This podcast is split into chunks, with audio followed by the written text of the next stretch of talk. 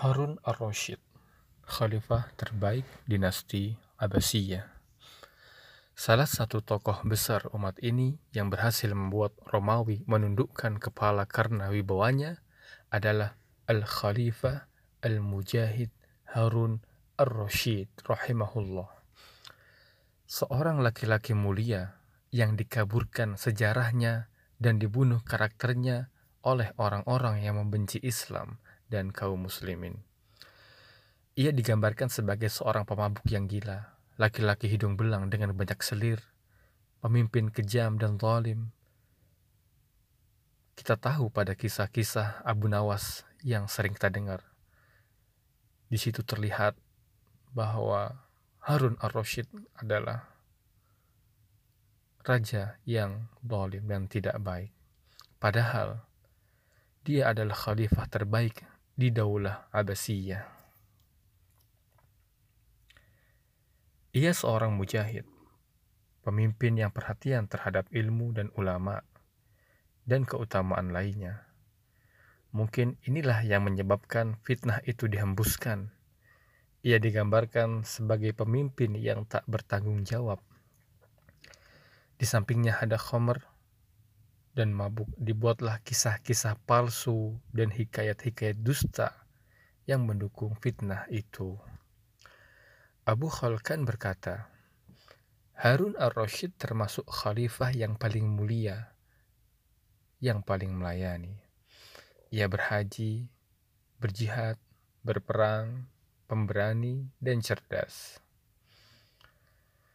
Kunyahnya adalah Abu Ja'far, sedangkan nama dan nasabnya adalah Harun bin Al-Mahdi Muhammad bin Al-Mansur Abu Ja'far Abdullah bin Muhammad bin Ali bin Abdullah bin Abbas Al-Quraisy Al-Hashimi Al-Abasi. Jadi ia adalah seorang Quraisy, satu kabilah dengan Nabi Muhammad sallallahu alaihi wasallam dan keturunan dari paman Nabi Abbas bin Abdul Muttalib radhiyallahu anhu. Harun ar-Rasyid dilahirkan pada tahun 148 Hijriah di kota Rai. Kala itu ayahnya menjadi pemimpin wilayah Rai dan Khurasan. Ibunya adalah Al-Khayziran. Kunyahnya Ummul Hadi. Sejak kecil Harun ar-Rasyid telah memiliki sifat istimewa, yaitu pemberani dan kuat. Sifat ini menjadikannya sangat layak sebagai suksesor ayahnya saat ia berusia 20-an tahun. Harun ar-Rasyid menjabat khalifah Daulah Abbasiyah menggantikan ayahnya, Al-Mahdi. Pengangkatannya terjadi pada malam Sabtu tanggal 16 Rabiul Awal 170 Hijriah. Jabatan tertinggi di Daulah Abbasiyah itu ia duduki hingga bulan Jumadil Akhir 194 Hijriah. 24 tahun lamanya. Saat menjabat khalifah, umurnya baru menginjak 25 tahun. Ia berkunyah dengan Abu Musa namun orang-orang mengkunyahinya dengan Abu Ja'far. Al-Khatib Al-Baghdadi menyebutkan dalam tarikh Baghdad Sebagian sahabat Harun bercerita bahwa ia sholat setiap hari sebanyak 100 rakaat. Hal itu ia lakukan dengan istiqamah hingga wafat. Kecuali ada sebab yang menghalanginya. Ia bersedekah dengan mendermakan seribu dirham setiap hari. Apabila ia menunaikan haji, turut sertalah bersamanya seratus ahli fikih dan anak-anak mereka. Dan jika ia tidak berhaji, maka ia menghajikan 300 orang dengan bekal baju besi, kiswah, dan yang lainnya. Al-Mas'udi mencatat tahun-tahun di mana Harun al-Rashid menunaikan ibadah haji. Dari catatannya, Harun al-Rashid berhaji pada tahun 170, 173, 174, 175, 176, 177, 178, 179, 181, 186, dan 188 atau sebanyak 11 kali. Ad-Dahabi mengatakan dalam tarikhnya, tahun 179, Harun ar-Rashid berumrah di bulan Ramadan. Ia senantiasa dalam ihramnya hingga musim haji tiba ia berjalan dari rumahnya menuju Arafah. Amalan Harun ar-Rasyid ini membantah orang-orang yang tidak berhaji dengan alasan peduli sosial. Kedua ibadah ini bisa dilakukan tanpa mengorbankan salah satunya. Harun ar-Rasyid berhaji dan juga memiliki perhatian besar dalam hubungan sosial kemasyarakatan. Al-Mansur bin Amr mengatakan, Aku tidak melihat orang yang lebih mudah menitikkan air mata saat berzikir melebihi tiga orang. Al-Fudail bin Ayyad, Ar-Rashid, dan yang lain. Diriwayatkan suatu hari Ibnu As-Samak menemui Ar-Rashid. Saat itu Harun Ar-Rashid meminta minum diberikanlah untuknya semangkok minuman.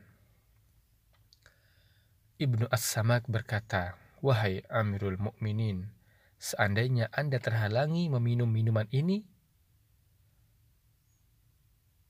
dengan apa Anda akan membelinya? Dengan setengah kerajaanku, jawab Ar-Rashid. Minumlah, semoga Allah memberimu ketenangan, kata Ibnu Samak. Setelah Ar-Rashid selesai meminum air itu, Ibnu Samak kembali berkata, Seandainya air ini dihalangi keluar dari badan Anda, dengan apa Anda akan menebusnya agar ia bisa keluar? Dengan seluruh wilayah kerajaanku, jawab Ar-Rashid. Ibnu As-Samak melanjutkan, Sesungguhnya harga sebuah kerajaan hanya dengan seteguk air dan kencingnya. Sungguh tidak pantas seorang berlomba-lomba memperebutkannya. Harun ar-Rasyid pun menangis terseduh-seduh. Ibnul Jauzi mengisahkan, Ar-Rasyid berkata kepada Shibian, Nasihatilah aku. Sibian mengatakan, Bertemanlah dengan orang-orang yang membuatmu takut, tapi dengan itu engkau merasa aman. Hal ini lebih baik bagimu daripada berteman dengan orang yang membuatmu merasa aman, tapi engkau menjadi ketakutan. Jelaskan maksud ucapan itu padaku, kata Ar-Rashid. Orang yang mengatakan padamu, engkau bertanggung jawab terhadap rakyatmu, maka takutlah kepada Allah. Orang yang demikian lebih baik untukmu daripada mereka yang mengatakan, Engkau adalah ahlul bait keluarga Rasul, dosa-dosamu diampuni, Anda adalah kerabat Nabi Shallallahu Alaihi Wasallam. Harun ar-Rasyid pun menangis. Sampai-sampai orang di sekelilingnya merasa kasihan padanya. Ar-Rasyid adalah seorang pemimpin yang cinta pada para ulama, membenci debat dan banyak bicara.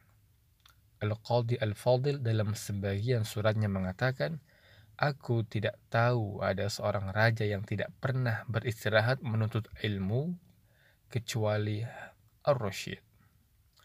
Ia pergi bersama dua orang putranya, Al-Amin dan Al-Ma'mun, untuk mendengar Al-Muwatta dibacakan oleh Imam Malik rahimahullah.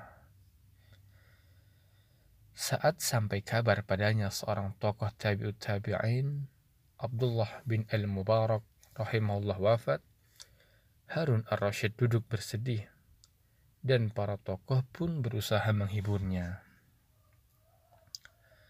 Abu Muawiyah Ad-Dharir mengatakan, Tidaklah aku menyebut Nabi Sallallahu Alaihi Wasallam di hadapan Ar-Rasyid, kecuali ia mengatakan, Sallallahu ala sayyidi Salawat atas tuanku kemudian kuriwayatkan kepadanya hadis beliau.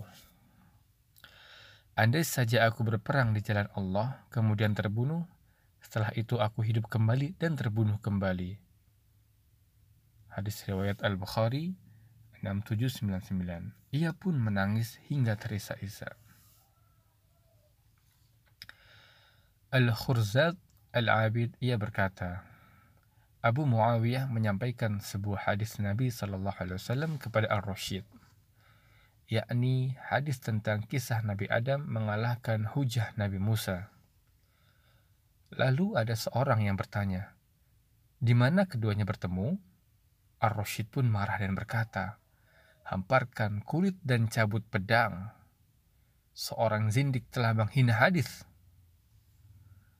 Abu Muawiyah pun menenangkan Harun al-Rashid hingga padam amarahnya.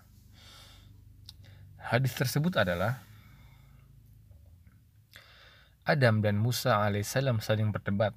Musa berkata, Wahai Adam, engkau adalah bapak kami. Engkau telah mengecewakan kami dan mengeluarkan kami dari surga karenamu. Adam menjawab, Wahai Musa, Allah telah memilihmu dengan kalamnya dan menulis Taurat untukmu dengan tangannya. Apakah kau mencelaku atas perkara yang telah Allah tentukan terhadapku 40 tahun sebelum dia menciptakanku? Nabi Shallallahu Alaihi Wasallam bersabda, argumentasi Adam mengalahkan Musa. Argumentasi Adam mengalahkan Musa. Hadis riwayat Muslim nomor 4793. Mendengar hadis ini, spontan salah seorang di majelis Harun ar-Rasyid berseloroh. Di mana keduanya bertemu? Namun Harun ar-Rasyid menangkap ucapan ini sebuah respon untuk membantah. Sehingga ia langsung merespon serius seseorang yang dianggapnya berani mendustakan hadis Nabi Shallallahu Alaihi Wasallam. An-nud'u was as-saif.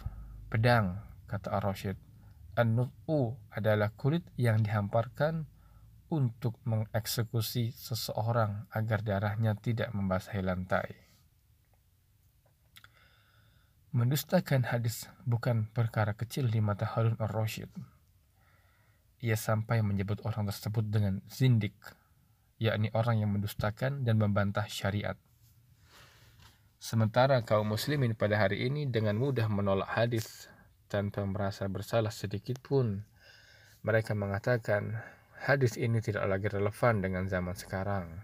Hadis ini tafsirannya demikian dan demikian, bermaksud menolak hadis. Al-Fudail bin Iyad rahimahullah mengatakan, tidak seorang pun meninggal lebih berat terasa kematiannya dibandingkan Amirul Mu'minin Harun Aku berandai-andai sekiranya Allah menambahkan umurnya dari umurku. Ia melanjutkan. Berat terasa bagi kami saat Harun wafat, muncullah fitnah. Al-Ma'mun, putra Harun, menyeru masyarakat meyakini bahwa Al-Quran itu makhluk. Harun ar-Rasyid dan Kaisar Romawi, Nike Poros I. Pada tahun 187 Hijriah, Harun ar-Rashid menerima surat dari Kaisar Romawi Nikeforos I. Surat tersebut berisi pembatalan perjanjian damai antara Romawi dan Abbasiyah yang telah disepakati oleh Kaisar Romawi sebelumnya. Isi surat Nikeforos adalah sebagai berikut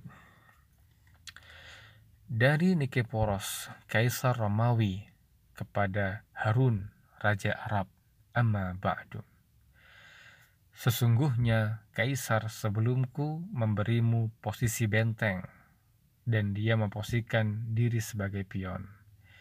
Ia bawakan kepadamu harta-hartanya, sebenarnya aku bisa memberikan jumlah berkali lipat darinya tapi itu karena kelemahannya dan kebodohannya sebagai seorang wanita.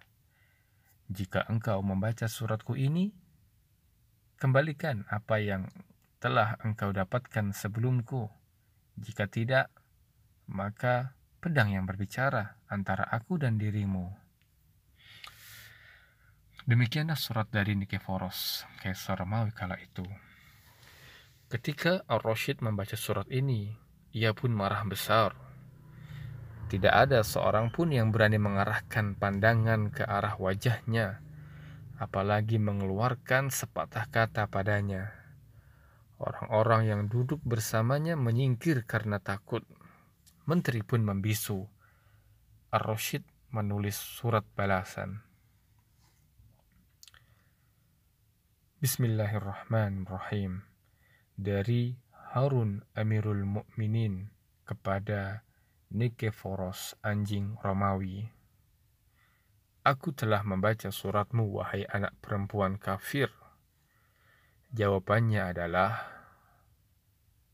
sesuatu yang akan engkau lihat sebelum kau dengar. Hari itu juga Harun ar-Rasyid memimpin sendiri pasukannya menuju Romawi. Sampai akhirnya ar-Rasyid berhasil menaklukkan kota Hercules, sebuah kota dekat Konstantinopel. Nikeforos ketakutan. Ia kembali meminta perjanjian damai dan bersedia membayar upeti atau jizyah. Ada sepenggal kalimat yang diucapkan Harun al-Rashid menggambarkan betapa luas dan makmur wilayah kekuasaannya. Suatu hari Ar-Rashid melihat awan mendung, kemudian ia mengatakan, Hujanlah di mana pun yang kau inginkan, hasil bumi pun akan datang padaku. Hujan tersebut akan bermanfaat bagi kaum muslimin, baik turun di wilayah kekuasaan Islam dinasti Abbasiyah atau di luar wilayah tersebut. Jika dia turun di wilayah Islam, kaum muslimin akan memanfaatkan airnya untuk minum dan mengairi ladang mereka. Dan jika turun di selain wilayah kaum muslimin, hasil buminya akan datang kepada umat Islam dalam bentuk jizyah. Inilah gambaran kemuliaan, kemakmuran, dan kekuasaan kaum muslimin di era Harun ar-Rasyid rahimahullah. Wafatnya Harun ar-Rasyid. Harun ar-Rasyid pernah bermimpi tentang kematiannya. Dalam mimpinya, ia melihat dirinya menggenggam tanah berwarna merah, dan di tempat itulah ia wafat. Mimpi itu pun menjadi kenyataan. Saat ar-Rasyid menempuh perjalanan menuju Khurasan, setibanya di kota Taus, ia jatuh sakit. Ar-Rasyid memerintahkan pembantunya datangkan kepadaku sewadah tanah dari tempat ini. Kemudian diberikan padanya tanah merah di genggamannya. Melihat itu, Ar-Rashid mengatakan, Demi Allah, inilah telapak tangan yang aku lihat dan tanah yang ada di genggamannya. Ia memerintahkan penggalian makamnya saat ia masih hidup. Kemudian ia minta dibacakan Al-Quran seutuhnya. Setelah itu, ia minta dibawa ke makamnya. Menuju tempat inilah perjalanan hidup ini, wahai anak Adam, kata Ar-Rashid. Ia pun menangis. Tiga hari kemudian, beliau rahimahullah wafat.